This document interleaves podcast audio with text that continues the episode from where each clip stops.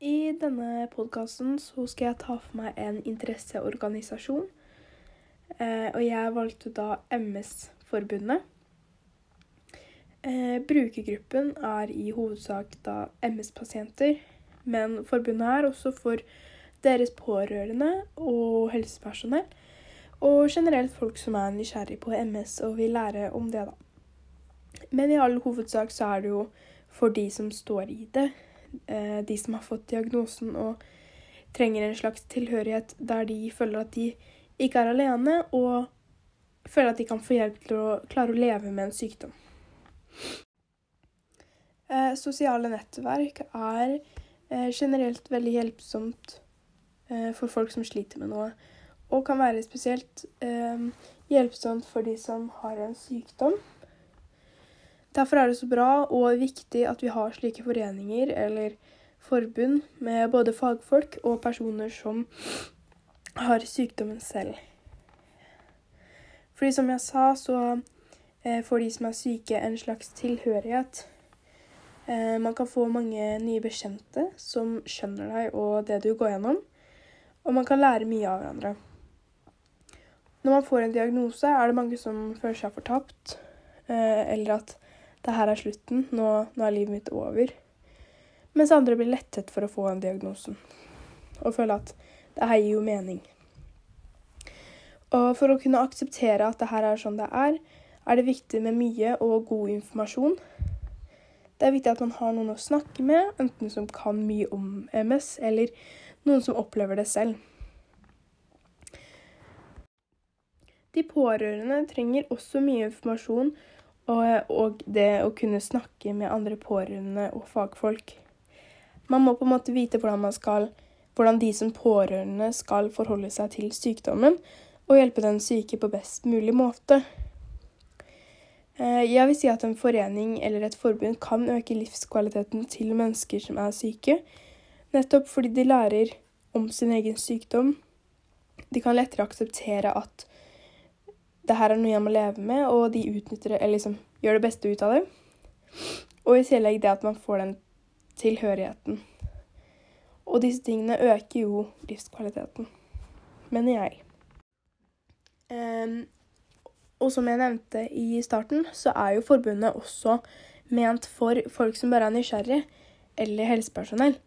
Um, og jeg tenker det er så viktig at, at vi også blir ja, ikke inkludert akkurat, fordi det er jo viktig at vi tenker på dem som er syke, men det at de som er utenfor, får, kan få informasjon om MS, hvordan de har det, hva slags symptomer de har.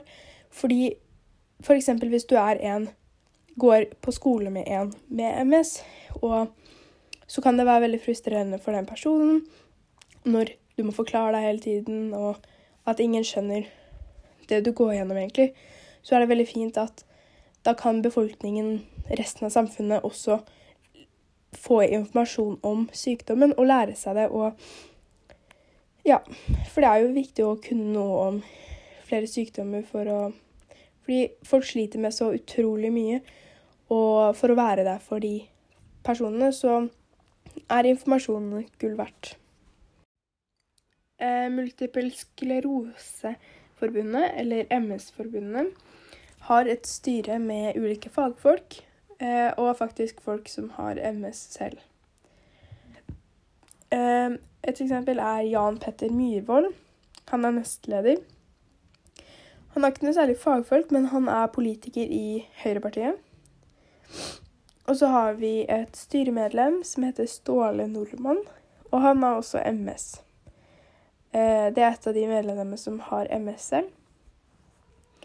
Og så har vi Bjarni Dagbjørtsson, som er styremedlem og leder av Ungutvalget. Og han er også MS-syk.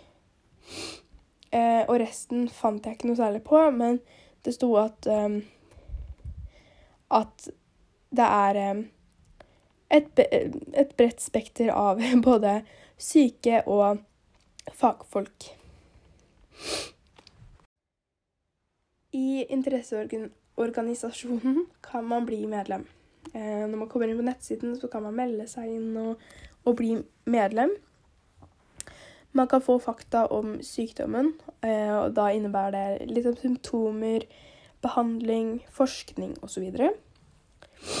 Mm, man kan også få informasjon eller inspirasjon eller en slags guide til hvordan man kan leve med MS.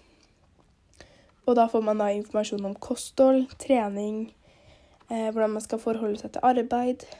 Og pårørende får også informasjon her. Hvordan de skal leve med Eller hjelpe personen med å leve med MS, og hvordan de skal forholde seg til det.